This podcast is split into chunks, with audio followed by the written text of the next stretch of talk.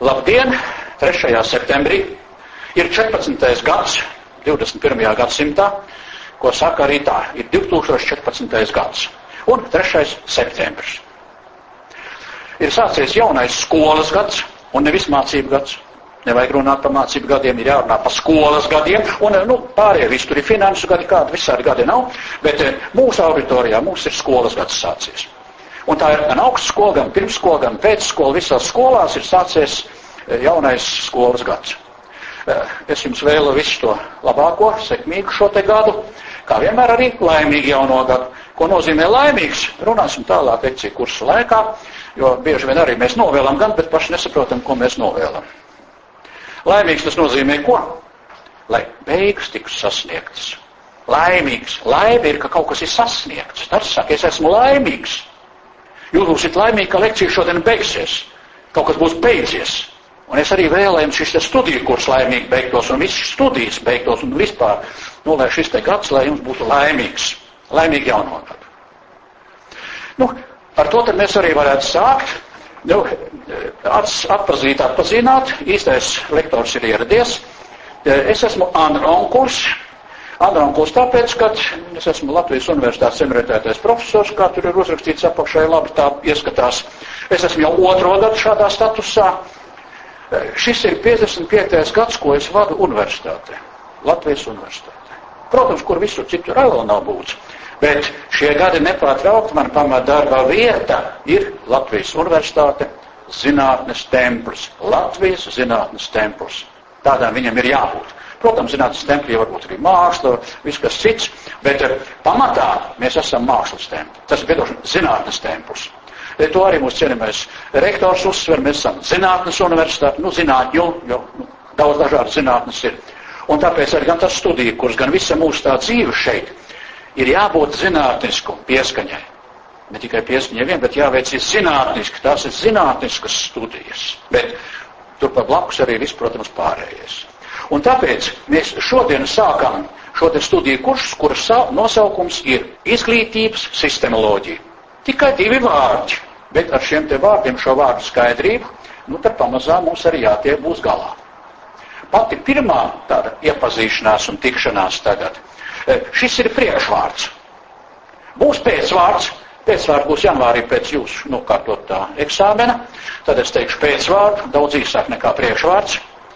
Ja ir priekšvārds, tad pēc tam būs ievads. Ja ir ievads, tad būs nobeigums. Un tad vēl pēc tam pa vidu būs zilā daļa, sarkanā daļa, zaļā daļa. Tas viss jau pamazām tiks jums tagad. Es jums iepazīstināšu ar to, kas jūs sagaida. Un tāpēc tas ir priekšvārds, pirmā tikšanās, e, kur ir jāiepazīstas gan ar kursa saturu, sūtību būtību, gan drusciņi ar tehnoloģiju, kā tad tas studiju process noritēs. Un neapšaubām drusciņi jāiepazīstās ir arī ar kursa vadītāju, pasniedzēju, sauciet kā gribat, skolotāju, es esmu augstskolas skolotājs, mans ar saviem fizikas skolotājiem, es teicu, ka es esmu skolotājs, skolotājs. Nu, lūk, tas ir tā, ir tā mana sūtība un būtība šeit priekšā. Tā, Latvijas universitātes studija kursa izglītības sistemoloģija, tur ir savs numurs arī, vai ne, to jūs droši vien jūs zinat. Jums kādreiz vajag um, Latvijas universitātes informācijas sistēmā pameklēt kaut ko saistībā par šo kursu, tātad tur arī pēc tā numuru varēs atrast un tā. Bet, kas ir šeit interesants? Tur ir uz zilā krāsā, jūs ziniet, jau zilā krāsā parādās saites uz dažādiem e-avotiem, elektroniskās vidas avotiem. Tātad Eh, man ir universitātes serverī, tepat universitāte, nevis kaut kur mākoņos un nezinu kur, ir mans bloks, bet es neesmu žurnālists, kurš katru vakaru, kas ienāk, prāt, nu, kas ienāk prātā, kas aktuāls, tur rakstiešā. Es tur rakstiešā tikai to pašu pašu būtis, kaut kas ir saistīts ar kursu, un mūsu kursam ir sava vieta manā blogā. Nu, varbūt, ka jūs arī strādāt, jums būs darba grupa kāda, kolēģiem, ieliekat, iekārtojat savu blogu, un tad, ja blogā var visi tur tiek klāt, jebkurā laikā. Piecos no rīta, desmitos vakarā. Tā, tas ir tas lielais progress. Jūs aizbraucat kaut kur uz Austrāliju. Nē, jūs atkal tiksiet manā blogā. Un tāpēc studēt šobrīd ir, cik tiešām nav jāsēž šeit. Bet manu balsu un visu to iepriekšējo, eh, ko mēs te pārnājām, pirms mēs oficiāli sākām lekciju, nu tas ir tikai šeit uz vietas, tiešā kontaktā. Un tā, tā, tā ir tā adresīte. Jums šie te materiāli, visu, ko es jums rādu, Tas viss jums jau arī ir tādā blogā iet, un jūs blogā šī, es varu varēt tagad iet savu internetu un atvērt šito. Bet, eh, ziniet, atkal, tas ir garāks ceļš, kaut kur pa vidu kaut kas var nojukt. Tāpēc es labāk eju no datora, sava datora, kur es garantēju, ka tur tārpu nav, nekas cits tur noticis slikts nav, tu, tu, tu. Un viss strādā. Un tur jūs atcerēsiet, vienkārši aiziet tur un uzklikšķinat, Varētu jau tagad riskēt, bet drusīgi gribu taupīt laiku. Varētu uzklikšķināt šeit uz atresīti un aiziet tur, un es nonāktu blogā savu mūsu kursā. Tad, kad jums šis materiāls būs jums pašiem datorā, uz sava datora ekrāna, tad klikšķinat. Uz šiem te gan neklikšķina. Ā, saprīt, tur uz tiem laikam var klikšķināt. Tur ir tas e-pasts, jā, tas ir mans e-pasts un tas ir bloks arī, jā. Tikai šī augšas adrese, viņa jau manā blogā jau ievērt tieši šajā studiju kursā. Bet nav nekāda noslēpuma, tur arī citi studiju kursi. Ļoti ir attiecīgs ir domāšanas sistemoloģijas kurs, ko es vakar, nu, katru dienu, eh, otrdienās vakaros lasu visus universitātes bakalauriem, kas tikai grib to klausīties. Pagājušajā gadā bija daudz, 70 eh, klausītāji bija. Eh, nu, ļoti interesanti. Tātad ir attiecīgie kursi arī, bet mūs interesē mūsu kurs, izglītības sistemoloģija. Tā, tā nu man tur sauc. Es domāju, ka mēs ļoti jauki, es nezinu, kas tā pa dienu būs. Būs vārda diena arī mūsu šī semestra laikā. Uzvārds ir Broks, Broka ir daudz. Tagad mums ļoti populāri, kā saka, ir Madonas Broka, teiksim, tieslietu ministre, vai ne tad Broks bija arī ministrs viens, bet, redziet, nav neviens no viņiem man rados. Man bieži prasīja, vai dieniņa teologa man tagad blats, vai ne, nu, bija ministrs arī. Bet, nu, ko tu darīsi? Broka ir daudz, Broka nāk no Vai tu sazini, no kurienes tas uzvārds, es viņu neesmu atšifrējis īsti, ko tas nozīmē, vai tas ir zviedra, vai tas ir kāds, bet, nu, tas beig, beigās nav svarīgi, bet katrā gadījumā, tur sevišķi Latgals būs viss ir brokiem pilna, bet tā nu tas ir. Es atbildu uz ārzemēm, tam man bieži vien angļu valodā ieliek vienu otru o iekšā, tā ir bruks, jo viņi kaut kā, domā, ka kļūdas tā uzvārdā, tā viņi pilnveido. Es gadu strādāju Amerikā, nu tad man pat bankā patvaļīgi ielikt to o, un es briesmīgi sabījos. Nu, ko tev tur nabāk padomu cilvēks aizbrauc, vai ne, tur daži dolāri ir un tie par bankā, viss, un man pēkšņi nepareiz uzvārds. Aizgāju tur jautāju, kur meitene saka, tu nomierinies, vai tu esi broks vai bruks, Amerikā tu esi bruks un dabūsi savu naudu. Tā arī bija. Bet, nu, tas viss tā. Tātad tas ir formālais vārds un uzvārds. Viss redzams. Tā ir e-pasta adrese, redzams mobilais telefons. Es neesmu izslēdzis, bet es ļoti ceru, ka neviens pašlaik nepiezvanīs. Zvaniet nakts laikā, ja vajag. Bet eh, vienkārši pačatoties, nu, varbūt labāk nezvanāt. Tad atrakstat e-pasta vēstuli. Es atvēršu e-pastiņu un nu, izlasīšu man ērtā laikā. Pusā mierīgi. Bet atkal, katrs jau dzīvo šī interesantā informatīvajā pasaulē, nu, pēc saviem tādiem, eh, attiecīgi kāda tā dzīves pieredze, viņam dzīves gadi ir un arī, kā saka, vispārējais. Tā kā, nu, darat tā, kā jūs to darat, tā kā jums tas ir ērtāk, lai jūsu dzīvē tas viss ļoti labi iet uz priekšu. Tā, Bet tur kaut kas pa vidu ir redzams. Un pie tā, kas tur pa vidu ir redzams, pie tā drusciņi ir jāpakavējas.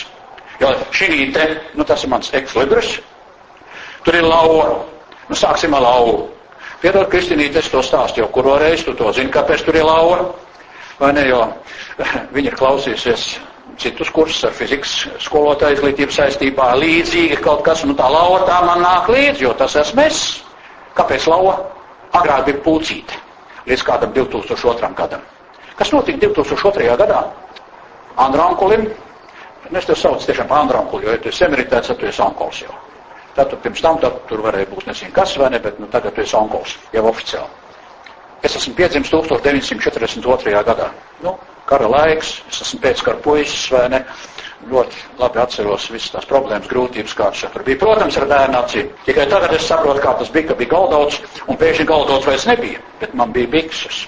Un daudz, daudz citu jautājumu. Kā mēs gājām uz tīrumiem kurmot, uz kolkos tīrumiem, kur vajadzēja kartupelīšu, pēc tam, kad viņi jau novākti, vēlreiz mēs gājām un rakām, vai kaut kas būtu, ko ēst. Un, un kad nāca rudens, tad, protams, sēnes bija jālasa, vai arī tanīs laikos latvieši lasīja sēnes.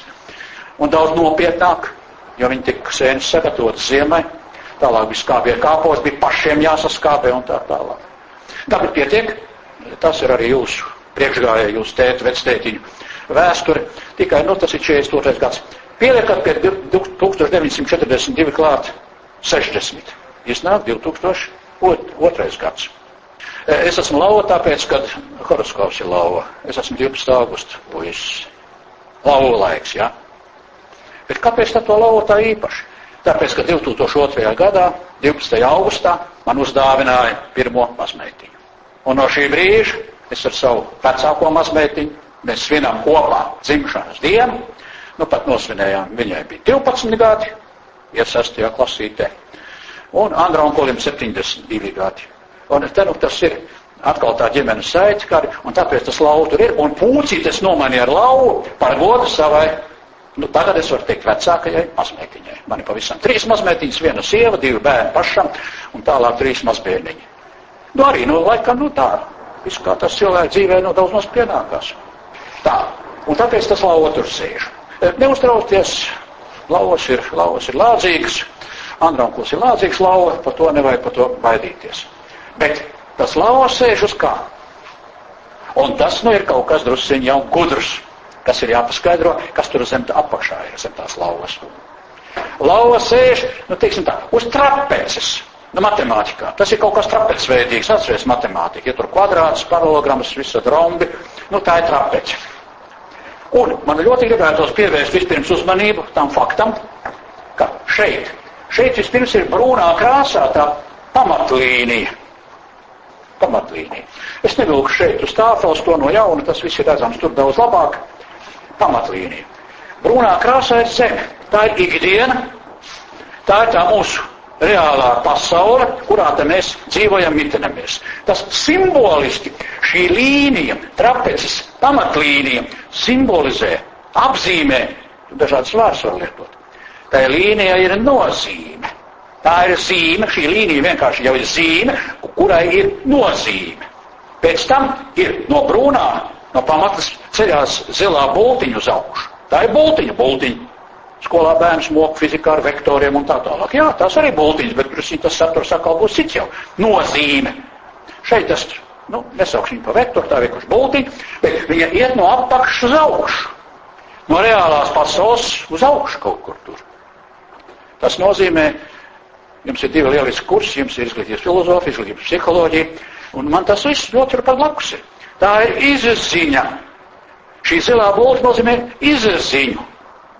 Mēs paceļamies no ikdienas reālās pasaules līmeņa, mēs izzinām to. Es jums tālāk iedošu definīcijas, bet nu, kas ir pasaule? Pasaule ir daudzveidību, parādību kopums. Ar trim vārdiem var pateikt. Viss, pietiek. Kādas parādības, vai tēniņi, tētiņi, kādas tikai nav. Nu, daudzveidīgas, redziet. Kas ir parādība? Atkal jāpaskaidro, bet stop, nevar pirmā lekcijā uzreiz vārdus visus skaidrot. Mums ir vesels, mums ir pusgads, nu, ropiņamot pusgads. Un zinātniskā skaidrojumā katram vārdam arī ir nozīme. Es sāku ar vienkāršu bultiņu. Tā ir zīme ar nozīmi. Bet vārds arī ir zīme beig beigās. Nu, runātā rakstītā. Un tam vārdam arī ir nozīme. Redziet, Un ja mums ir vārdi un vārdu nozīmes, tad šeit zilā būtiņa ar vārdu apzīmēt, skaidrot, tā ir izziņa, tas ir izziņas process. Cilvēka dzīve sākās ar ko? Ar to ar sākās laikam. Tu esi uzlikusi, piedod, piedodiet, vai es, nu, drīkst tā kā skjaunākām meitenēm, nu, meitene gan piedodiet, jūs visi esat jaunas. Tā grēks atkal runāt. Nu, kādreiz pateikt, tu atļauj man, ja? Nu, paldies. Jo nu, tas ir tā ģimeniski, ja mēs esam ģimene, tad es esmu onkls un jūs esat forši man bērni, vai ne? Kurš mazbērns, kurš bērns varētu būt viskārtībā. Tad atceramies to bērnību. Tu esi uzlikus pirkstus karstas pannas. Es malacis. Tu iegūsi dzīves pieredzi, otrais vairs neliksi. Kas tas ir? Tas ir izziņas process. Kaut ko izdarīt, sajūtas, šī gadījumā tausta. Daudz ko ar kā saka, skatās, skatās, ierauga arī kaut ko.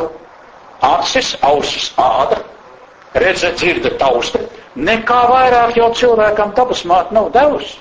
Tas ir tas, kā mēs esam saistīti ar to reālo pasauli. Un izziņā, caur acīm, ausīm un ādu, mēs kaut ko sajūtam. Un tad sāk strādāt, un tad mēs sākam apzīmēt tām sajustajām vārdu piekārtojam bieži vien. Pieliekam citas zīmes. Un tad mēs pamazām ceļamies augšā tur, uz ko? Uz sarkano līmeni. Tā ir teorija. Lejā ir praksa, un augšā ir teorija sarkanā krāsā. Bet mums ir jāpaceļas no lejas, pamazām uz augšu, un tas ir izziņas process. psihologs stāstījis jums biziņu, ir stāstījuši jau un tā tālāk. Man ir tā jušana, ka šeit noteikti ir pedagoģijas bakalaura arī, nu, ļoti forši cilvēki, jo dzīves pieredzi lielāku, mazāku un tā tālāk. Tad jūs jau daudz ko zinat. Es mēģināšu ar citiem vārdiem, citā aspektā par to visu parunāt. Jo mana pamatizglītība, es esmu fizikas, esmu dabas zinātnieks. Un fizika ir viena no tām prastākām zinātnēm, vienkāršākajām, Un tāpēc mums ir zinātnīs un tehnikas progress un vispārējais, ka fizika ir ārkārtīgi daudz ko tieši devusi. Sociālās zinātnes ir gauži maz devušas, jo cilvēki tādi paši maiķi tagad kā bija agrāk. Tāpat karo savā starpā, cenšas viens otru apčakarēt, skaudību nenovidi. Es pēc paņemu to negatīvo pusi. Ir lieliski cilvēki arī, protams, bet šie lieliskie cilvēki bieži vien nenosaka dzīves gaitu. Tātad mēs caur sajūtām iedarbinām jau šo te domāšanu. Tas ir kopā jau mūsu kursu izglītība. Un tagad mēs ļoti daudz ko domājam, ka uz izglītībā jānes lielas izmaiņas, pārmaiņas. Nu, tas viss, ko es tagad stāstu, tas jau tas ir tas, kas būs jāienes pārmaiņas. Un tad jāsaprot, ko to ko mainīt. Un jāatcerās, tas zinātniskums sāks no novērojumiem, acīm, ausīm un ādas. Un pēc tam sāk vārdi rasties. Tad parādās valodniecība vispārējais. Nav svarīgi, tur angļu, krievu, latviešu, citas valodas, tie, tas tā, bet principā vārdi. Un vārdus var izrunāt, vārdus var rakstīt. Rakstība parādās. Jūs paši zināt, ka rakstība jau, vai mazais, tu mācēji rakstīt, ka piedzimi. Tu mācēji runāt, ka piedzimi. Kurā skolā tu iemācījies runāt? Tādā skolā neviens nav gājis. Un neiet. Bet neviens šeit nav maugls. Kas ir maugls? Maugls ir, nu, pamatā tie bērni, visi, kas, nu, lāga, kas neprot runāt. Viņi nevar runāt. Bet ja viņš nerunā, tas nozīmē, ka viņam kaut kas šeit nav kārtībā, jo viņam ar tiem vārdiem nav nekas kārtībā, jo kas skaidri domā, tas skaidri runā, pēc tam, nu, pēc tam vēl raksta, tur ir secība. Tā ir tā sistēmiskums, sakārtotība. Bet kurā skolā tad iesāk runāt? Mājā. Māmiņa mīļā labā, tētis, omīt, opīts, brālis, māsa, draugi. Tā ir tā vide mīļās māmiņas, un atkal, ja jums atkal šodien pašlaik situācija tāda, ka bērniņš mājā viens pats tur ir, kā saka, galvēkojas un visā citādi. Nu, drusīgi grēka darbs. Mazais bērniņš ir piedzimis fiziski. Viņš ir jāapgaro, un garš, garī, garīgums nāk no apkārtējiem cilvēkiem šim bērnam. Piedošana netur no ekrāniem un visur, kur. Nē, jārunā ir, viņam jājūt ir tas, ko viņš redz, ir, un piekārtojās vārds. Kāds bija pirmais vārdiņš, kur tu izrunāji, kurš jūs izrunājāt? Nu, droši vien, ka tā bija kaut kādā jūsu pašu eh, veidā, teikt, tā bija māmiņa. Ne jau visvārds. Maz bērns izsaka tikai vienu zilbīti, pirmo, kas ir ne jau māte, mamma vai kaut kā tā. Bet katrā gadījumā mēs visu savu māmiņu mīļo labo visvairāk esam redzējuši, dzirdējuši. Bet ko dara tie bērniņi, kuriem vecāki palaiž viņu pasaulē un pēc tam, vai nu sazin, kur viņi ir? Nu, viņi ir bērnu namā. Tur jau arī drusciņi cenšas dara nu, visu, ko jau nu var. Bet māmiņu, tēķi, ģimeni, īstu ģimeni, protams, kā apmainīt nevar. Redziet, kur sākās viss tas. Un tas viss ir tur tādā pacelšanās pašā ziluma sākumā. Zilā krāsā tā ir būtiņa, kura sākās cilvēka mūžā, sākās no piedzimšanas brīža, izziņa. Un tad mēs ejam uz augšu. Dažs uzsļās augstāk, dažs netika augstu izziņa, pacelšanās. Un šis studiju kurs ir atkal, lai jūs arī drusku pacelt atkal. Noteiktā virzienā, nu, tādā virzienā, kur es nu, varu mēģināt jūs celt, nu, bet jums jau pašiem arī jāceļās. Jā, jā, jākustina spārniņi, jākustina kājas. Jā, es jau tikai palīdzēšu. Es jau nevaru jūsu vietā, es jūsu vietā vakariņas varu apēst šovakar. To es varu izdarīt. Bet jūsu vietā es nevaru izdarīt to, kas galvā notiek. To vajag skolotājiem, izglītības darbiniekiem ļoti atcerēties. Jo mēs bieži neļaujam bērniem pašiem tieši garīguma ziņā domāt, apdomāt, pārdomāt, uzņemties atbildību. Protams, daudz kas jāiezubrī arī, tur tā atbildība, tad tur bērnam vairs nav, viņš iezubrīs, centrālu eksāmenu noliek, bet galvenais, lai tas viss ar izpratni nāk tālāk. Un tāpēc tā ir tā zilā līnija izziņa. Un te jūs pamaniet dzīves pieredze dzīvei. Starp citu, šitas eks liberis ar tam tekstu, kas turklāt ir. Tā ir Andronkuļa šī studija kursa un ne tikai studija kursa. Tas ir man tāds kaut kāds koncentrāts ko es varu stāstīt un ko es arī stāstu dažādās auditorijās un esmu stāstījis. Tas ir tas pamats, no kura es atsperos, un tad es aizēju vai uz fiziku, vai uz nefiziku, vai kaut kur citur. Bet šīs te ir tās filozofiskas, psiholoģiskais pamats. Izziņa. Tā kā mēs esam kaut ko izzinājuši, kas pēc tam jādara ir, ir jāapdomā izzinātais.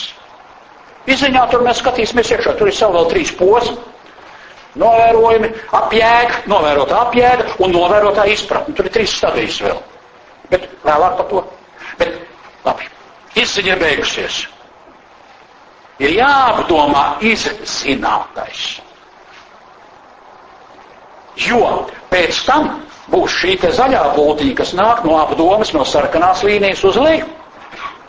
Ko nozīmē šī te būtiņa, kas nāk uz leju? Šī būtiņa nozīmē atgriešanos pēc apdomas atpakaļ atkal reālajā pasaulē no kuras mēs paši esam fiziski nākuši un kurā mēs dzīvojam. Bet mēs izziņā mēs esam radījuši domas, mums ir galva pilna ar domām, domu pasaule šeit ir, un tur ārpusē ir, nu tā ir tā materiālā pasaule, kas nav doma pasaule. Domas redz, domas dzird, domas sataust. Nu, kādas blēģis. Pasakās visā brīnum notiek. Un to maziem bērniņiem stāst, jo nav mērķis šoreiz tur katreiz to pasaku. Bet pamazām, pamazām arī mazais bērniņš saprot, ka viņam stāsta pasacīja. Viņi ir ļoti spici, jūs paši bijāt spici saviem vecākiem, un jums ir jūsu bērni spici, un, un kur vēl būs eh, fantastiski spici. Man vēl ir divas mazmētiņas, viena ir pašlaik tepat kaimiņos nav tālu, būs pieci gadiņi. Cik kolosāls, manuprāt, labākais, skaistākais priekš vecākiem opīšiem bērna vecums ap pieciem gadiem. Kas te ir pa profesoriem jau? Kas tie par zinātniekiem, kas par māksliniekiem? Pēc tam viņus nokauja. Diemžēl, un ne jau tikai tagad, vai ne, bet tas tā diemžēl ir iegājies jau visas sabiedrības vēsturē, viņu pakļauj ārējās vidas ietekmēm, visām citām. Bērni zaudē savu patstāvību, savu radošumu, vispārējo, un skola šeit nespēlē pavisam ne to pēdējo vietu. Un šodienas visas problēmas, kas mums skolā ir, te viņas arī visas jau būs. Redziet, te viņas būs. Tāpēc, ka viss tā apkārtējā vide, tas mazais bērniņš, kas ir piedzimis, vai ne, viņš netiek pienācīgi apgarots, nu, un, protams, arī daudzos gadījumos nepēdināts. Fiziski un garīgi cilvēkiem ir jāaug. Nu, mēs vairāk runāsim, protams, ne par fizioloģiju, par barībām, garītām, materiālām varībām, ja, bet par čipšiem, pipšiem, nu, pieminēsim kādreiz, vai ne, bet mēs vairāk runāsim par šo garīgumu Jo skolā jau iet, tā ēšana tā ir vienkārši nu jāpēd. Bet galvenais jau pēc klasē notiek šis garīgums. Mēs garīgo attīstību bērnam dodam. Un skolotājiem ir jābūt garīdzniekam. Nepavelti vārds mācītājs ir. Bet tie ir senie vārdi, kas ir, nu, nāk vēsturē. Latvijā ir ļoti labi ar terminoloģiju. Skolotājs, ziniet, citās valodās ir teachers, tad, eh, kas tur vēl ir, learn, vai ne, teachers, learners, eh, tad vēl kaut kur. Un arī, nu, kas tulkojumā faktiski mācītājs. Bet latviešu valodā mācītājs, senos laikos mācītājs bija, nu, baznīcā, ja? Skolotāji nesauc par mācītāju. Kaut gan viņš arī māca. Bet to mācītāju nesauc kaut par skolotāju. Skolotājs ir kaut kas vairāk. Kaut gan būtībā jau senos laikos mācītājs baznīca arī darīja izglītojošo darbību veids. Un šobrīd ir jārunā ne par skolotāju skolēnu, kuri veids izglītojošo darbību. Viens izglīto, otrs izglītojas. Tā ir sadarbība. Kādā procesā? Nu, to sauc par pedagoģiju, to procesu, pedagoģiskais process. Par tiem visiem vārdiem, visiem mēs jau runāsim. Un man es jau zinu no iepriekšējiem gadiem, man būs daudz, kas jāpieliek klāt tiem priekšstatiem, kas arī šeit šī lieliskajā fakultātē Eh, faktiski iekapsulējušies eh, pedagoģiju. Ir skaidrs, jāzina, ka pedagoģija ir noteikti viena noteikta joma, ļoti būtiska izpildu darbība izglītības nozarē. Pedagoģija tā ir metodika, kā īstenot izglītības saturu. Tā ir pedagoģija. Meistari tie ir, kas prot to izdarīt. Kas domā par izglītības saturu? Un te ir traģiski. Par izglītības saturu domā ļoti maz. Izglītības saturs ir dzīve. Es jau te pieminēju. dzīves pieredze dzīvei. Izglītība, es tālāk to daudzreiz atkārtošu to definīciju, un es būtu ļoti priecīgs, ka jūs vismaz, nu, vismaz zināt, ka Andronkuls tā runā par izglītību un tā viņš saka, ko jūs paši darat. Nevajag skriet līdz novecojušām rietumu terminoloģijām. Man jāatzīstās grēkā arī, es esmu darbojies pie Latvijas izglītības likuma, nu tā, kas ir pašlaik spēkā. Viņu pieņēma 98. gadā, tu kādus piecus gadus mēs viņu veidojām. Uz manu atbildību bija faktiski tātad tās pamatstruktūras izveide. Un arī daudz ar pamata termini. Un tagad man šur tur drusīgi žēl, ka mēs aizmirstam tās pamatnostādnes mūsu izglītības likumā. Un vienkārši vāvļojam līdz rietumu kumpalam. Visu cieņu tām vērtībām, kas ir rietumos. Bet mēs savas vērtības bieži vien aizmirstam. Latvijā pēc likuma, pēc idejas, kā mēs ielikām, Latvijā cilvēks izglīto, skolas ir izglītības iestādes. Un paskatieties, kāda ir terminoloģija. E, tur, kur ir drusciņi gudri nu, cilvēki, kas tur seko, un dažreiz arī juridiski piesienās. Juristi ir formāli, nav terminoloģija pareizi. Mums nav e, mācību iestādes, mums ir izglītības iestādes. Izglītības iestādes. Un tā ir pareizā runa, tā ir izglītības iestāde. Ko tur dara? Nu, katrs dara to, kas jādara. Skolēns izglītojas un skolotājs izglīto, viņi sadarbojas. Izglītība ir atslēgas vārds. Un es drusku paskaidroju, tagad redziet, vienu vārdu mūsu lekciju kursa nosaukumā. Izglītība. No definīcija ir īsa un skaidra. Izglītība ir kā rezultāts kāds. Tā ir īpaši organizētā veidā iegūta dzīves pieredze dzīvē. Āmen dzīves pieredze dzīvē, nu īpaši organizētā veidā. Priekš tā ir skolas, skolotāji un tā tālāk. Sensenos laikos, kad nebija skolas un skolotāji, bērns piedzima, viņš turpat dzīvoja kopā nu, ar vecākiem cilvēkiem, viss vai ne turpat, viss, kas bija. Un tad pēc tam izrādījās, ka nevar jau vairs tā. Vismaz bagātājs, bagātniekiem jau parādījās, nu, uzraugi vai auklītes, nu, pamazām. Nu, auklīt taču ir skolotāji, tikai nav skola, kurā viņi strādā, redziet. Nu, normāli, ka auklīt ir māmiņa, tēts, auklīgs. Tas jābūt auklīšiem arī. Tad tas bērns būs normāls. Bet tad, kad viņš iziet pamazām jau no ģimenes lokā, tad viņš nonāk sabiedrībā, un sabiedrība daudzos gadījumos ir ļoti nelabvēlīga. Vismaz pašlaik šeit pie mums Latvijā. Nu, atkal neiesim detaļās, jūs vienkārši tā jūtat. Mums ir daudz kas ne tā, kā mēs gribētu. Un savos 20 gados mēs esam daudz ko sabojājuši, izdarījuši ne tā, kā vajag, bet ir jau gudri runāt, jo 20 gadi ir pagājuši. Tagad mēs tik redzam, ka nu, mēs neesam daudz ko izdarījuši. Mēs atdevām izglītību tādai pašplūsmai. Tāpat kā brīvā tirgu. Nu, gan jau tad paši tur viss tur kaut kā tiks galā. Skolotājiem par savu naudu jākļūst, jāstudē par skolotāju. Nu, apgrēcība. Skolotāji ir līdzeklis, lai izglītotu sabiedrību. Nu, valstī, valstī tās valstī cilvēks dzīvo. Tā ir valsts sabiedrības interese, un šī sabiedrības vajadzība ir jāapmierina. Un izglītības ministrijai kā valdības iestādē ir jādara viss, lai apmierinātu šo vajadzību. Un ir jādomā par līdzekļiem, par visu. Bet tas viss ir kaut kā pagājis, pagaisis, un privātais uzņēmēja darbība Piedošana privātie pašlaik tikai viņam acis spīd, kur kā naudu var ātrāk dabūt. Es neapvainoju kolosāls privātu uzņēmējs arī. Ir kolosāli cilvēki. Bet, diemžēl, daudz vairāk ir naudas rausēji.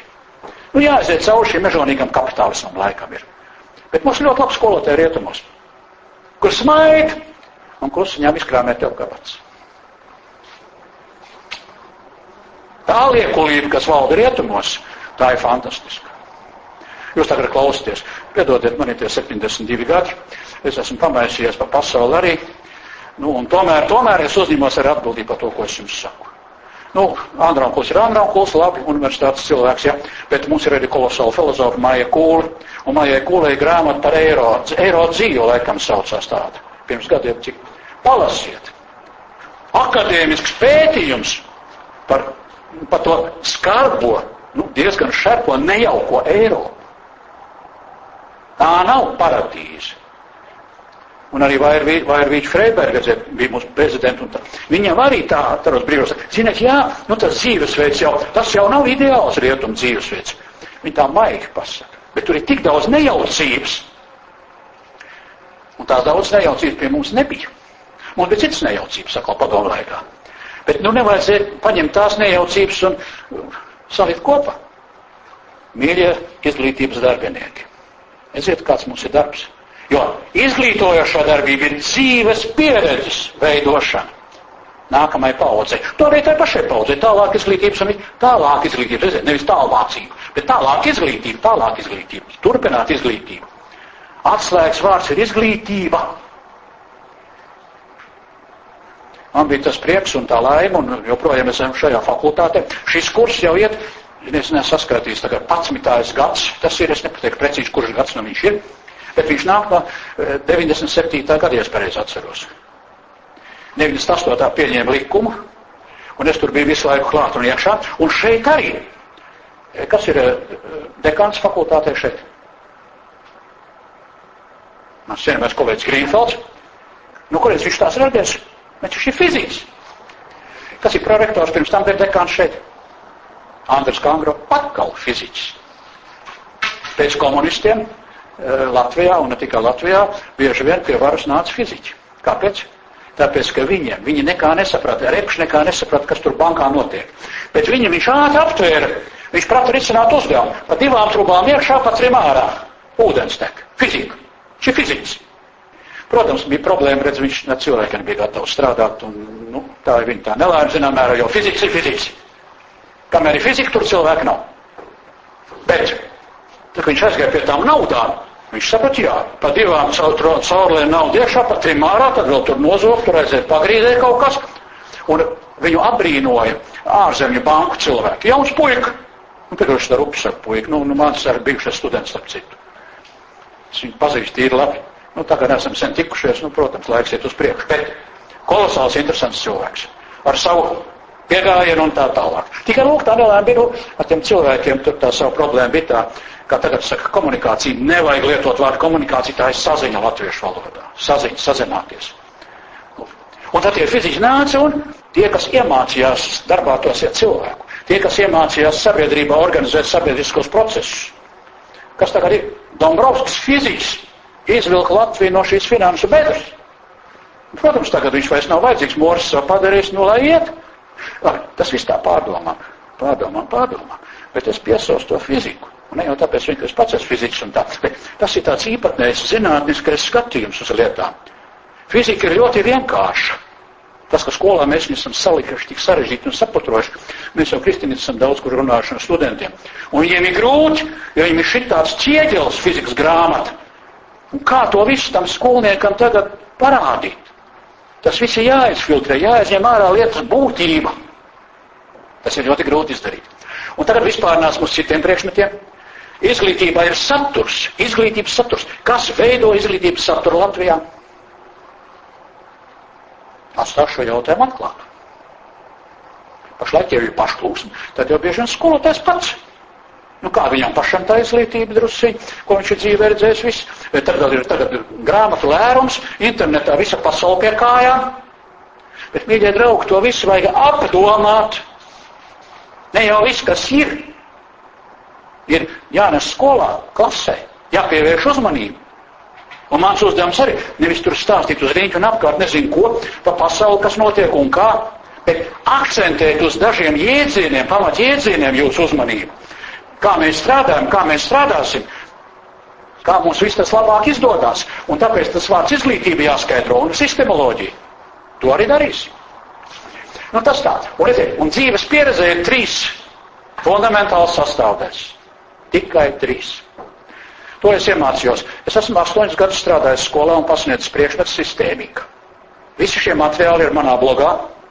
Visu stundu, tagad 2008.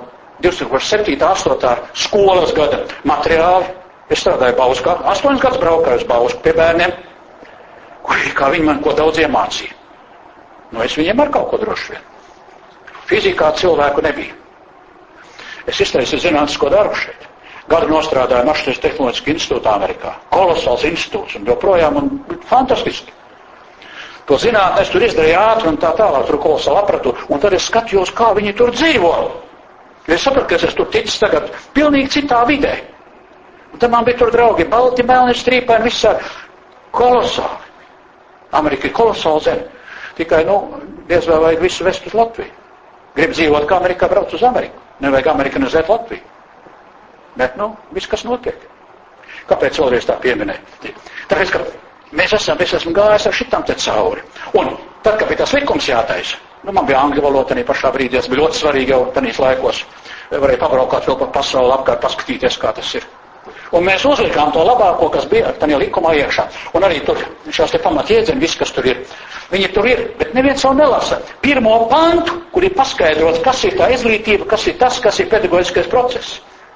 Mēs tagad taisām projektus, projektu, projekts. Nu, projekts ir eksistences lietas, tur vienkārši dabū projektu, tad ir maize vismaz ko paēst. Tas rezultāts, nu, ne katreiz tur interesēs ļoti, ļoti asi pasaka tagad. Bet projektu mānija, nu, straki. Nāk jauna grupa, dabū naudu, atkal pēta vienu un to pašu. Pēc tam atkal, tas ir tā kā katreiz pavasarī, vienreiz pāršķipelē to pašu lauciņu, ne, bet nevis kaut ko izaudzē un turpina tālāk iet. Tas viss ir tāpēc, jums jāklausās šis te kurs, un ne tikai šis, bet viss šīs studijas, lai tomēr kaut kur vien brīdi sākt kaut ko, nu, kas uz jums attiecas. Ko mēs izdarījām vēl tanīs laikos? Es biju klāt šie paši man cienījamie kolēģi, tātad kolēģis Kangrā, kolēģis Grīnfelds un kolēģis Geski, nu, fiziķi. Pedagogi mūs aprunāja, es nesaukšu vārdā piedošanu, Latvija ir maza, un, nu, kāpēc? Viņi domā, ka viņi pasaules nav izglītībā. Pedagogi skolotāji. Pedagoģi ir bezgalīgi cienījama zinātnes tehnika, praksa, nu, tehnikas mazāk prakses nozara, visu cieņu. Bet pedagogs bieži vien nevar uztaisīt izglītības saturu.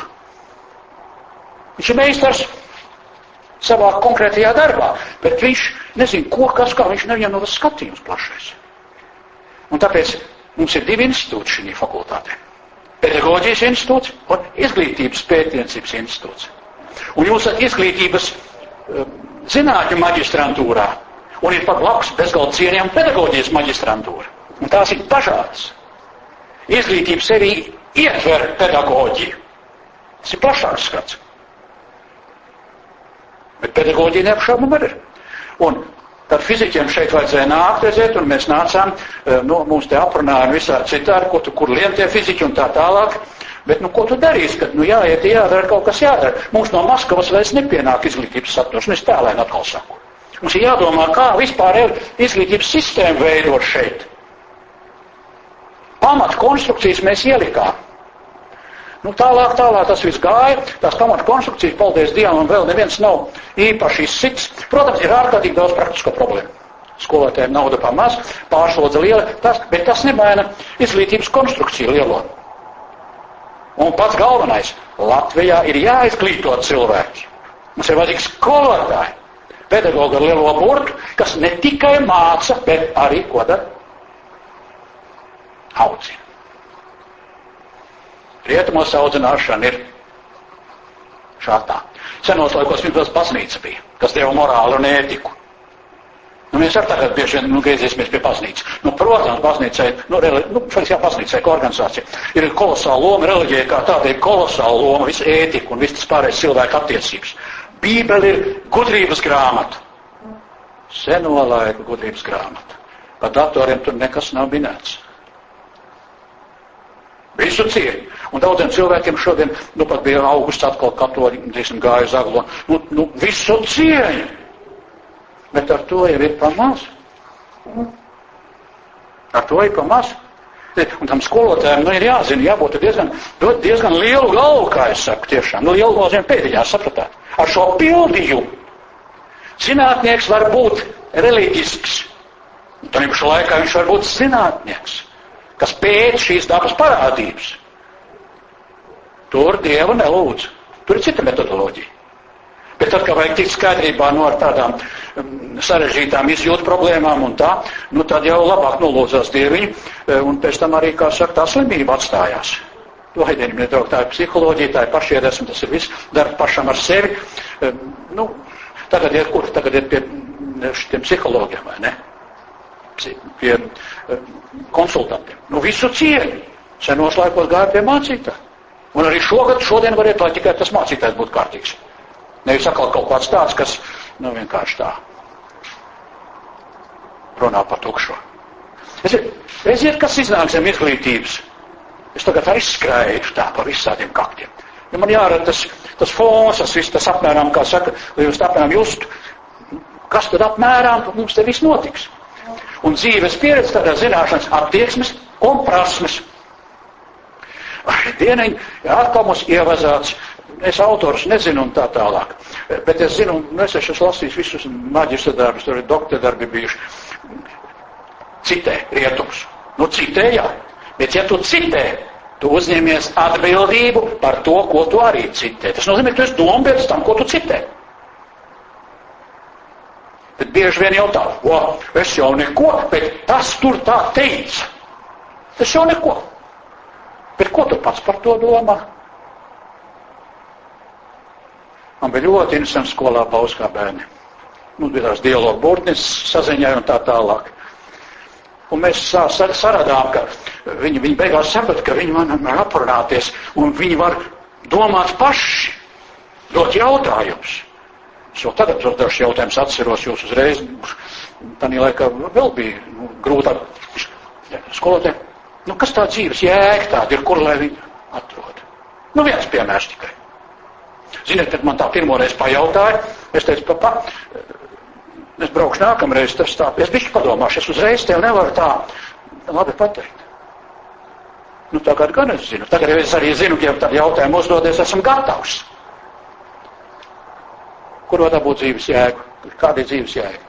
Manuprāt, tev ir mērķis šitam vakaram. Nu, vismaz uz māju aizbraukt. Tad ir tam vakaram jēga, jo ir mērķis dzīvē kaut kāds vismaz. Viņi ir lielāki, mazāki.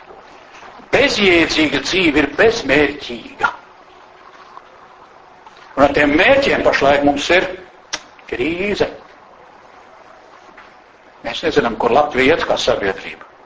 Kā dzīvosim, kā attīstīsimies. Tagad vispirms vēlēšanām vispārīgs frāzes bārst vai nekas ir bārstīts kopš tūkstošiem gadu pilnveidosim, uzlabosim. Kā to izdarīsim? Nu, es ļoti piekrītu Domburam, kurš arī vakar laikam vai aizvakar, kad bija tas rādījums, nu, viņš arī drusciņi tur mocīja šos savus cienījumos eh, kolēģis, kas bija tur intervijās. Viņš pēc tam, nu, konkrētāk nevar. Bet ja drusciņi ir jāuzmanās. Dažreiz konkrēti jau arī nezinu, jātiek pie silas. Nu, pēc tam sāks domāt, ko tad darīs pēc tam. Nu, tā ir priekšvēlēšana situācija. Un, diemžēl, tā ir raušanās pie silas. Nevis gribēšana virzīt sabiedrību uz priekšu, jo vēlēšanas ir sabiedriska parādība. Tas nav tavs privāts bizness. Bet gribās jau tur iefiltrēties iekšā, nu un tad es būšu labā vietā, un tad, lai ziniet, es tur pie tā izglītības likuma strādāju. Nu, ja man kāds vismaz piecus latiņus būtu piedāvājis, vai repšiks, es nezinu, ne Latvijā laikam bija. Nevaru, jo nevienam jau tas neinteresē. Es jau nebiju akls, es jau redzēju, kā tur tos likumus taisa un tā viss. Tikai es to nerunāju, un tagad ir nerunāšu, tāpēc, ka būs tiesas darba momentā, pas Dievs, Latvija ir maz. Nu, ir deviņi, ir lobēšana un nejauka lobēšana ar samaksām visām uztais, satais tādas schēmas vai ne samudžina, ka te tik tiešām knāps un vispār, lāgā nevar īsti saprast, vai ne, palaiž dūmus vai ne, ej tu nu saprot. A viens tur beigās piepilda kabatas uz tā rēķina. Kas ir gudrāks, tas ātri piepilda kabatas un pasūta kas ir negauss, tas turpina un iekrīt. Nu, tā tas viss ir izdarīts. Tas ir attieksmi jautājums. Tā ir vērtība orientācija problēma. Un Latvijā mums ir jāmāca un jāaudzina cilvēki. Viss viens maz bērns un jau pieredzējis cilvēks. Tikai pieredzējušos jau neskotu vairs tur sevišķi vērtību orientācijā. Kāda vērtība orientācija ģimene pamatā tiešām ieliks? Kas ir labi, kas ir slikti? Tā jau arī stipri mērķi. Cilvēks ir vienreizēs lietošanas. Un skola, skolotājs nu, ir ārkārtīgi svarīgs. Bet šobrīd skolotāji ļoti izspiež ārā visi mobilie telefoni, interneti, visi mākoņi un tā tālāk. Un tie, kas jūs esat jau vecāki, kam pašiem ir bērniņi un tā, un kam būs, jūs zināt, ir ļoti liels uztraukums, kurš tie bērni ganās. Un es arī tagad bieži domāju, Es, tad vēl, kad bija manas visiem saviem studentiem, un tāpat tie skolnieki bauskā, nu es vēl jūtu viņus, kas viņiem tur iekšā ir. Tagad, nu, jau desmit gadi, jau pagājuši būs kopš tā visa. Ziniet, es tā drusku saku, jo es vairs kā, es ar viņu strādāju, es tā īsti nezinu, kas viņam tur ir iekšā. Jo viņš ir saskatījies, labi, viņš varbūt vēl sapīpējies ar kaut ko.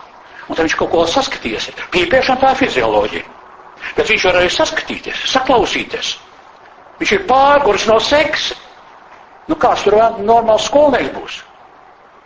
Tāpēc, ka, oh, tas ir moderni. Meitenes viss izkalst. Mēs gribam būt moderns. Ne, nu viss, kas ir tas. Nu, mīļie cilvēki, nu, kāds ir mērķis, kāds ir mērķis, kāds ir mērķis. Tā katram vismaz par savu dzīvi vajadzētu tikt skaidrībā, kāds ir tavs dzīves mērķis. Ja tu ej ar savu studiju kursu iekšā, Man būs jāparāda, tur būs tālāk, man divas vāverītes, viena pat tāpat vāverīte, jā. Viņiem dos kursam mērķi un uzdevums. Ar to es šodien lekciju beigšu. Tur pat tālāk būs. Bet es netieku nos pašlaik, redziet, no tās pirmās lapas puses. Es netieku no sava ekslibri nos, bet es viņu turu acu priekšā, tāpēc, ka paņemiet, nofotografējiet to, un lai jums rādās zilais, sarkanais, zaļais turpmāk. Nu, sapņos. Jo tām krāsām es esmu pielicis jēgu klāt. Un to jēgu to es centīšos visu laiku tā jums parādīt. Un, bet domājiet līdzi, domājiet paši līdzi. Kaut gan, nu tā ir cilvēks pieredze. To ir pateikšu to, ko es tagad saku Latviju. Sapratu, man latviešu valodā daudz kas bija jāpārtulko, jāpasaka. Kā latviski, vienkārši skaidri latviski, nelietojot svešvārdus. Un tāpēc es nerunāšu par misiju un, un vīziju, es runāšu par sūtību un būtību Un man te nav nekas jā, jāpenetrē, un man te nekas nav, kā saka, vēl kaut kā visādi angļu vārdi jālieto. Kognitīvā psiholoģija. Tā ir izziņas psiholoģija. Kāpēc kognitīvā? Mēs esam tā sabojājuši latviešu valodu. Tāpat saziņa un komunikācija. Nu, kāpēc vajag komunicēt? Braucat angļu valodā, braucat uz ārzemēm un nu, skaisti runāsiet angliski un communication nu, dabīgi. Bet tā ir, kas tas ir? Kā tu izjūti šo vārdu? Nu, tā ir saziņa, sazināties. Un latviešu valodā ir vārds ar sakni zin. Uztaisīsim konkursu. Nosauksim, kurš nosauks vairāk vārdus ar sakni zin.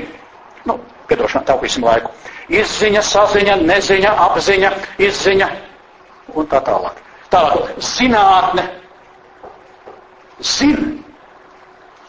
Ir šeit kāds angļu valodas skolotājs, angļus kāds, kas beidzas. Nu, nav svarīgi. Angļu, krievu dzīvo nekas nesanāks. Latviešu valoda šī ziņā ir kolosāla, tāpēc, ka ir jauna valoda. Un tie, kas taisīja latviešu valodu, latviešu valodas gramatika, tā ir arī sistēma, teorija, praksē. Kā sakārtot vārds ar visiem locījumiem vispārējo. Bet daudz saka, vai dievnīgi, kur sarežģīta valoda. Tie cilvēki, kuriem grūti ir sakarīgi domāt. Un viņi runā, nu, nu tā, uz riņķu un apkārt. Bet, nu, skolā nevar uz riņķu un apkārt runāt. Labs skolotājs tomēr Viņš runā ar zināmiem mērķiem, bet mērķis.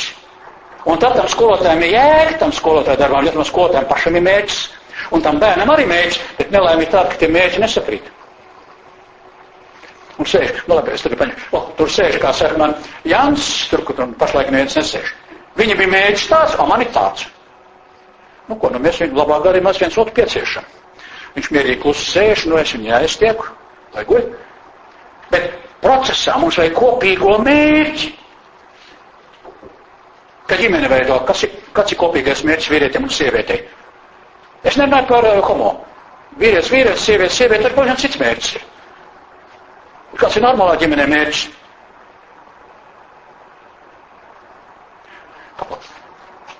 Vai jūs tagad kautrējaties? Nē, nē.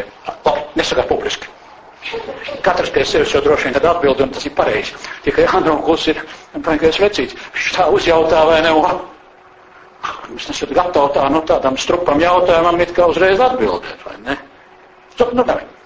Es uzreiz savu variantu, viņš var piedāvāt. Bērni. Viss.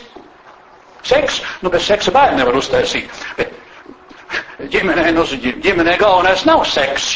Ģimenē galvenais ir bērni, bet, nu, seks ir pakārtots.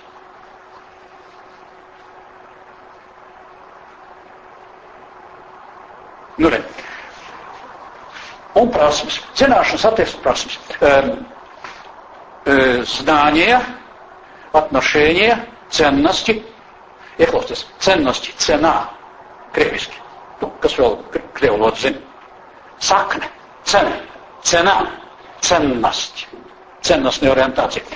Angļu valodā value, valuation, vērtēšana. Evaluation, nu tur viss tās tur locījumi dažādi. Bet value, valuation, value education, vērtība izglītība. Vārds apbrīnīgi angļu valodā nu galīgi nav populārs. Un rietumos, nu rietumos runā par vērtībām, par vērtību krīzi un tā tālāk. Prātīgie cilvēki. Es esmu saticis kolosāls cilvēks izglītības jomā rietumos visās valstīs, kur ir gadījies būt, nu cik te Eiropā. Bet es viņam daudzies prasīšu, nu kā mēs tagad taisam likumu, mēs darām kaut ko jaunu. Viņš saka, mēs jūs apskaužam. Jo jūs varat kaut ko, nu, jaunu radīt. A mums ir tradīcijas. Un rietumniekiem tās tradīcijas ir ļoti spēcīgas, nerunāju, teiksim, par britiem, tas ir vispār līdz anekdotiem jau daudzreiz.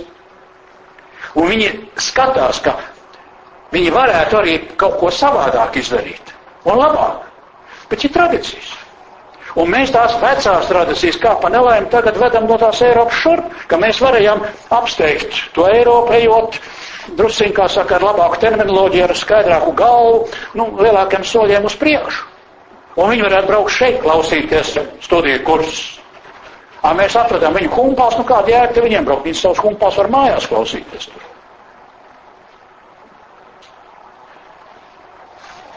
Nu, lūk, tas tā. E, un angļu valodā jā, knowledge, aptitudes un skills. Ja umienie liekat navikus mierā. Padomu laikos bija pantiņš. Znanie, umienie, naviki. Neloģisks. Tāpēc, ka naviki, iemaņas latviskajā, iemaņas ir automatizētas prasmes. Tās pašas prasmes vien jau ir. Un tas ir loģikas, pilnīgi neloģika, ja mēs vienā teikumā, vienā līmenī saliekam, nu, hierarhiski dažādu līmeņu vārdus. Prasmes sevi ietver iemaņas kā automatizētās prasmes. Tas ir apakšā kaut kur vēl. Nevar uzcelt vienā līmenī un runāt. Prasmes un, un iemaņas, un iemaņas.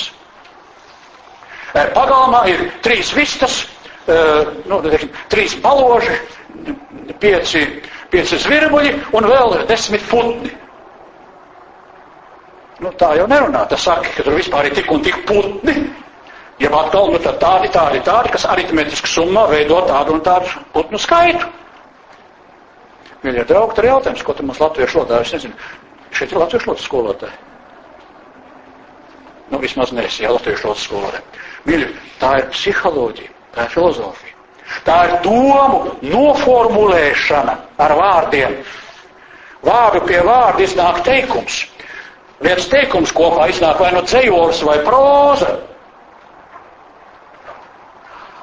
Valoda, tas ir fantastiski. Tā ir tāda lietišķā psiholoģija, jo domāšana nāk ārā caur valodu. Bet kas skaidri domā, tas skaidri runā un raksta pēc tam. Ja galvā ir ķīsels ar domām kā tādām, Latviešiem skaists vārds bārdaks. Nu, paņemts kā no krievu valodas. Bārdaks ir nekārtība tur, kur vajag būt kārtībai. Tas ir bārdaks.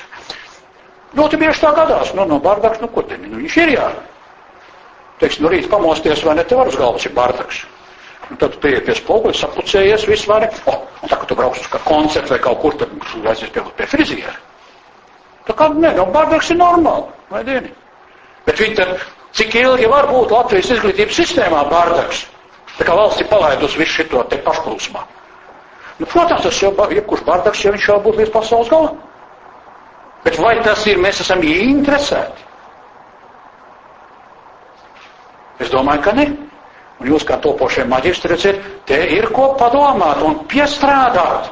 Un vismaz savai dzīvē mērķi vajag, vajag attieksmi pret sevi, pret sevi veidot. Kas es tāds esmu? Kāpēc es esmu? Un tad ar citiem arī, jo nu, cilvēks jau nav viens. Cilvēks ir sabiedrībā. Kaut gan rietumos ļoti populārs ir individualisms. Ļoti izteikts. Padomājot, kas bija, nu parunājot ar tēti mammu, kolektīvisms. Divas galējības. Ir brīdis, kad jāiet kolektīvā, kors, kors ir kolektīvs. Mūsu lielais dižais ciesums vai kors Tas ir kolektīvs. Aiziet priekšā mums cienījamie diriģenti. Tā ir fantastika. Tagad bija tas pasaules kolas, te fórums un tā tālāk. Nu, es gluži kā tur tā nebija. Mani, bet, bet man, man stāstīja, ka ārzemju cilvēki bija brīnījušies. Ja? Tas ir kaut kas tāds, kas mums ir spēks kaulos.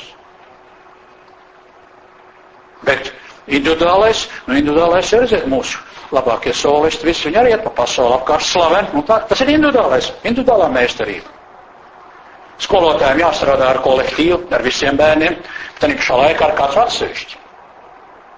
Un bez tam vēl pašam par sevi arī jāpadomā. Bet nelēmīgi tāda, ka skolotājiem bieži vien viņa paša bērni paliek pavisam ēnā. Glāb to pasauli.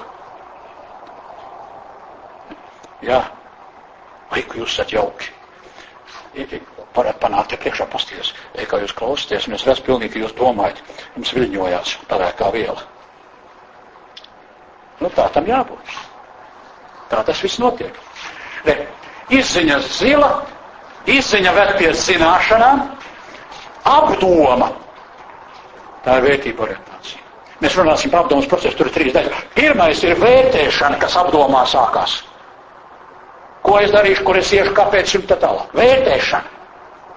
Vērtību noskaidrošana. Nu tad, mīļie draugi, kur ir vērtība izglītība? Sarkanajā līmenī. Nevar mācīt attieksmes. Vērtības nevar mācīt. Vērtības ir ar citām metodēm jāattīst cilvēkā. Nu, tas ir tas, ko nu, mēs saucam. Tas ir padomu laikā, to ļoti perfekti nosauc.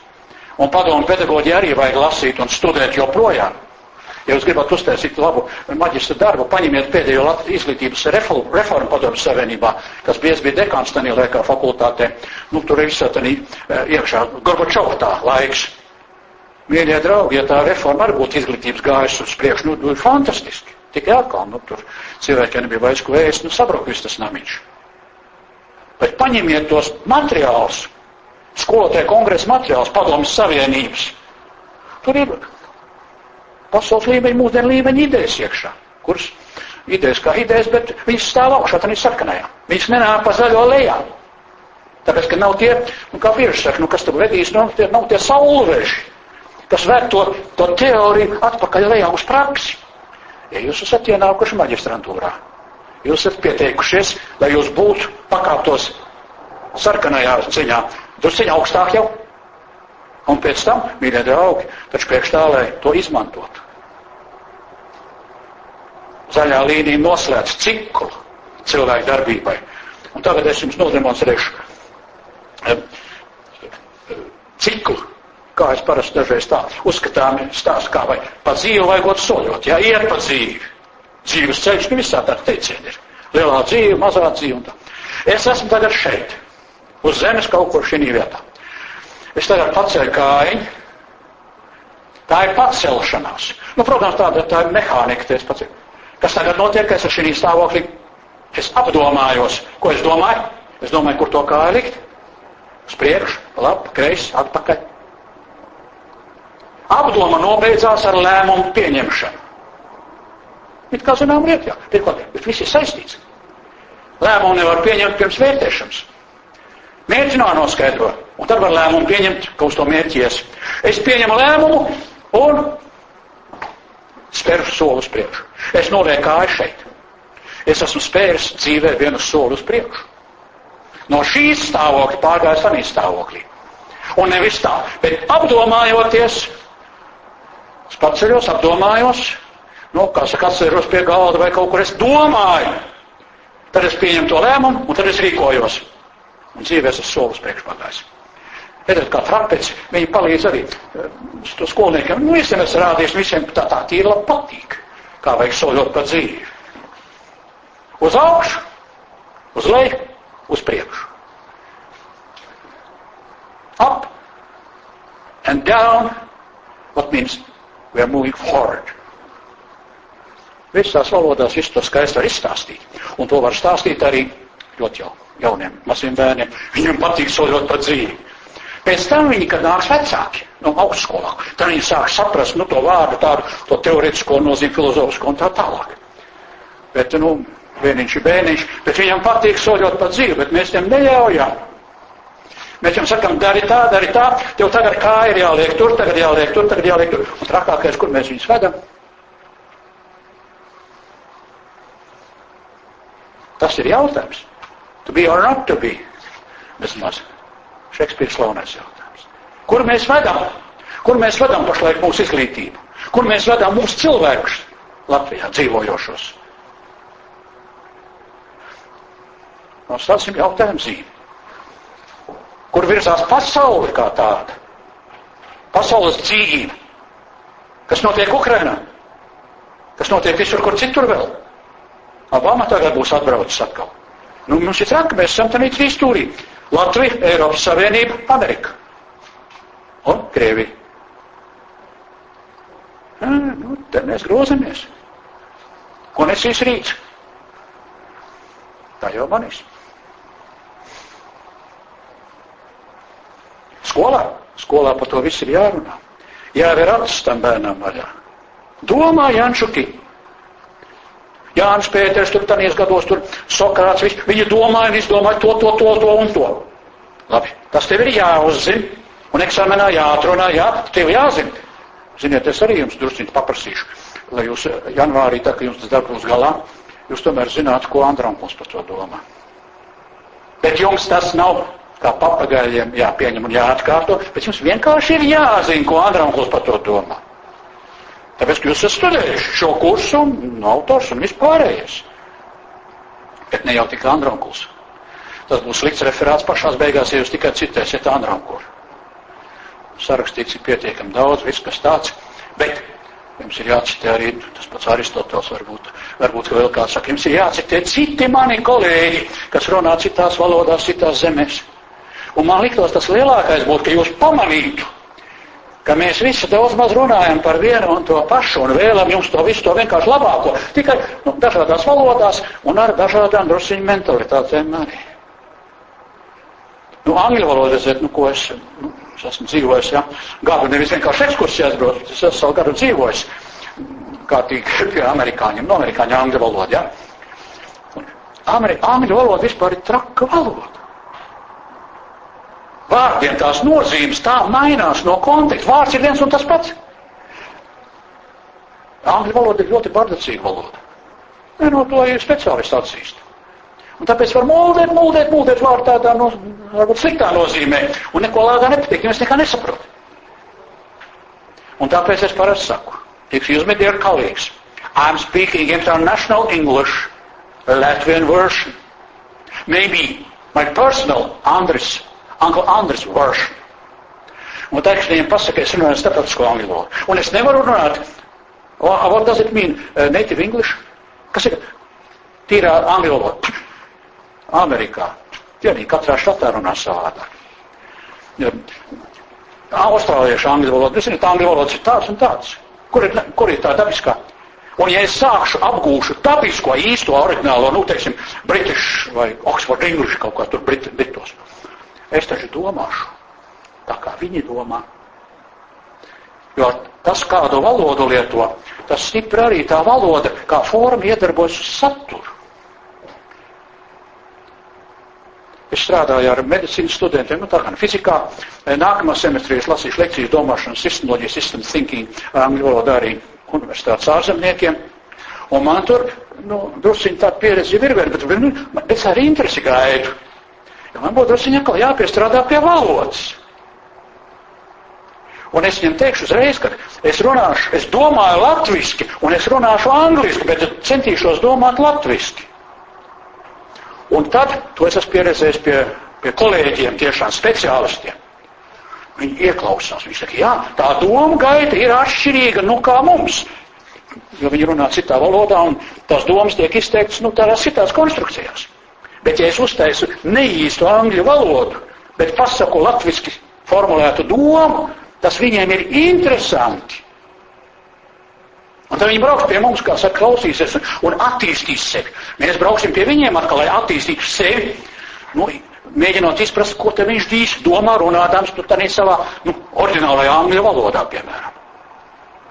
Jūs zināt, ka zeju pārtulkot mašīnas nevar. Kāpēc? Nu, ir lietas, kas ir jāizjūt vispirms, un tur gandrīz jāmet roku. Un, teiksim, Korānu pārtulkot tā nevarot. Ja tu tulkos eksakti kaut kā, tad pazudīšot tas mākslinieciskums tam Korānam, nu jau pazudus tas, kas tulkoši. Un citā, kā ja pārtulko mākslinieciskā formā to Korānu, tad pazūd atkal to daudz kas tāds, kas ir tāds eksaktais Korāna. Ir jāzina tā valoda. Tas pats ir braucat uz Tibetu. Tur arī esot jāapgūst tā īstā tibetiešu valoda, un tad tu vari, kā saka, tiem viņu gudrajiem. Bet tev ir jāizjūt vārda nozīme.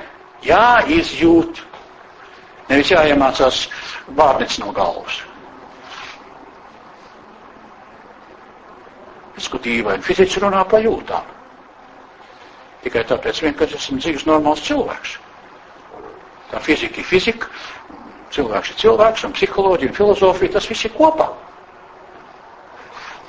Tā, nu gan varbūt, kad pieliksim punktu, un tagad šeit te bildē, jo pie tās mēs atgriezīsimies vēl daudz un dikti, nu ne tieši šādā veidā, bet citos veidos un paiesim tālāk. Priekšvārds. Es jau visu to jums tagad stāstīju. Es tikai tā parādu. Un šeit ir pildīts. Nu, man patīk arī fotografēt. Tas ir tāds ideja. Koki, redzēt, kā tā uz augšu tiecās, redzēt. Apakšai zeme. Un kas tur augšā? Tur mākonīši ir. A mākonīšos teorijas sarkanā krāsā tur. Mēs paceļamies no prakses. Praksē ir sarežģītība. Vai dieniņ? Un tad mēs ceļamies augšā, tur, ka ir vienkārši. Teorija ir vienkārša. Un tāpēc jūs bieži sakat, jā, teorija jau tas ir vienkārši, bet eh, dzīvē to ir sarežģīti. Protams, tas ir pilnīgi pareizi vārdi. Bet ja tev ir tā vienkāršība, jau ir, ir doma braukt mājās. Vienkārši doma.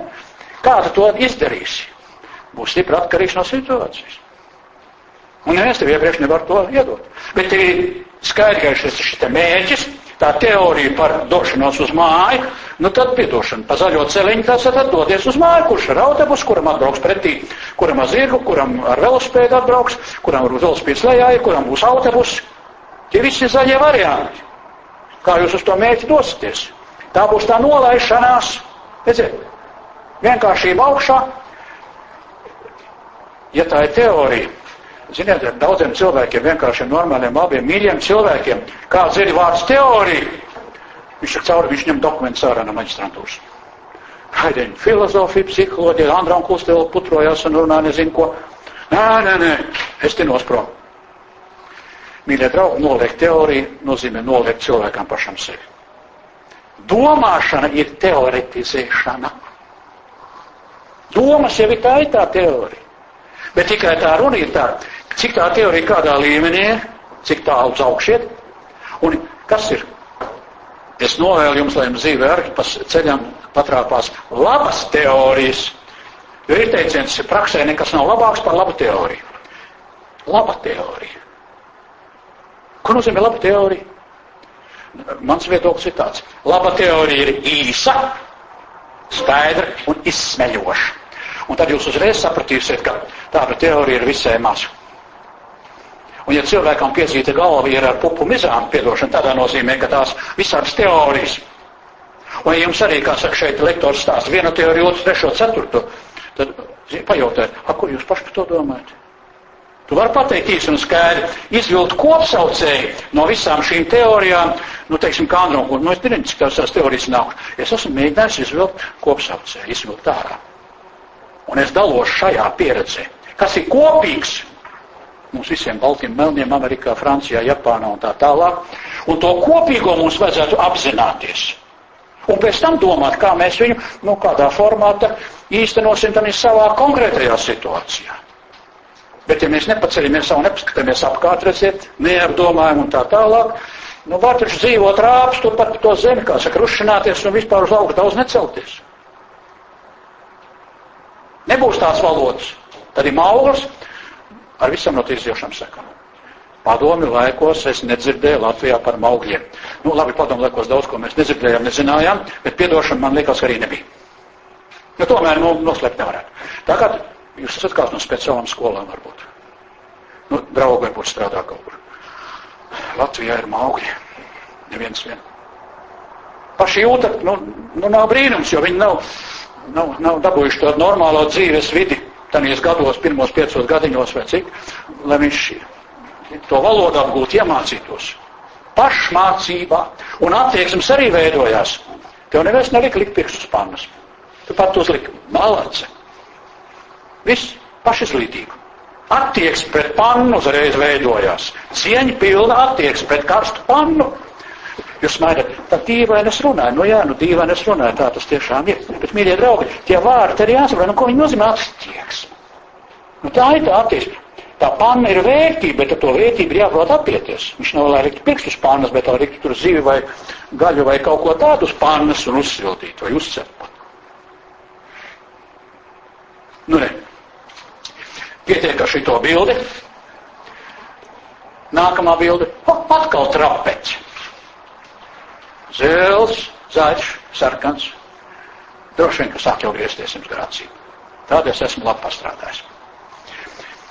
Priekšvārds ievads, pirmā daļa zila, apdoma, otrā daļa viena lekcija. Sarkanā krāsā ir teorija. Ko es nu pat teicu, laba teorija ir īsa, skaidra un izsmeļoša. Man ir viena lekcija priekšā. Tāpēc, lai būtu īsi, skaidri un izsmeļoši. Nu, es esmu savā mūžā, kas ir gājis uz to, lai es varu pateikt īsi un skaidri būtību. Nu, kā es mācīšu to pateikt un pateikšu jums? Nu, jums vērtēt. Labāko, ko es varu pateikt, es jums pateikšu. Bet ja tas jau nenozīmē, ka jūs uzreiz ar, kā saka, jums ir jādomā, jāapdomā viss tas. Neņemiet uzreiz galvā. Un neņemiet galvā, ko brauc visādi lektori no visas pasaules šeit un, un pie, piekliec pilnu un pieduši paspils vakarā klausīties tur televīzijā ziņas un tā tālāk. Nu, tā ir tur tāda smadzeņu skalošana. Jau apzināti jums čakarē smadzenes. Skolotājs, nu, diez vai viņam vajadzētu apzināti čakarēt. Protams, ja kāds viņam ir labi samaksājis, lai viņš apčakarē tās smadzenes sačakarē, nu, sačakarē, bet daudz skolotāju labi grib, bet iznāk kā vienmēr. Viena lekcija augšā būs, e, trešā daļa, nu, tur vēl vairākas lekcijas. Nobeigums pēcvārds. Nu, lūk, un paša ejot tagad pašā nobeigumā. Studiju kurs izglītības Būtība un sūtība. Būtība tā būs laikam kas? Misija? Nu tā, ja izjūt to vārdu. Nu var jau runāt misija, bet ja es palūdzu paskaidrot, nu, ko tu jūti, nu tad jāsaka, misija tas ir tas, ka man jāsaprot kaut kas tas tā, tā, būtība, kaut kas tāds, nu tā. Nu kas tas viss ir priekš kā? Un sūdīja kursam arī šī te misija. Un vīzija? Vīzija ir virzība. Nu, tagad, nu, kur tad tas viss ved pie kā? Tā ir sūtība. Kāpēc jums tādu kursu vajag? Un šis kurs radās 98. gadā, tad, kad bija mēs to izglītības likumu, nu, es piestrādāju pie tām pamatstruktūrā, un tad bija pilnīgi skaidrs, ka vajag šo te stāstīt izglītības darbiniekiem, skolotājiem. Bija tāds kurs arī sistēma teorija pedagoģijā.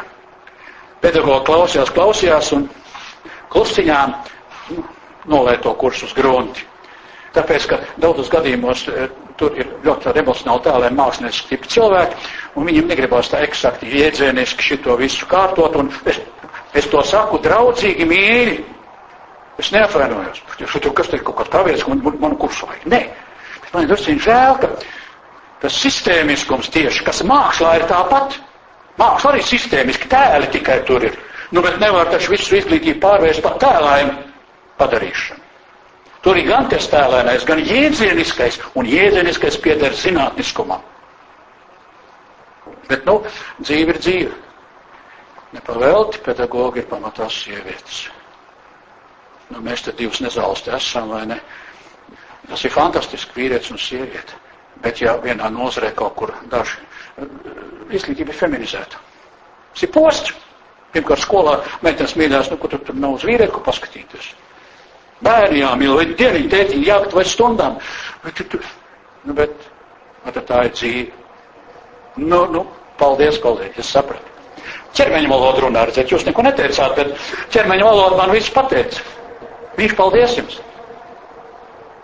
Kā mēs to feminizāciju tagad, lai tiekam galā? E, rietumos nav tik traki. Nu, bet vai tad vīrietis var iet normāli uz skolu, e, saņemt algu un uzturēt ģimeni? Sākās viss tas pārējais, redzēt pēc tam vēl sabiedrības attieksme un tā tālāk. Šit ļoti sarežģīts jautājums. Mēs esam 20 gadus jau nobumbulējuši. Bet nu, nobumbolē ļoti daudz spējas padomju valstis, vai ne?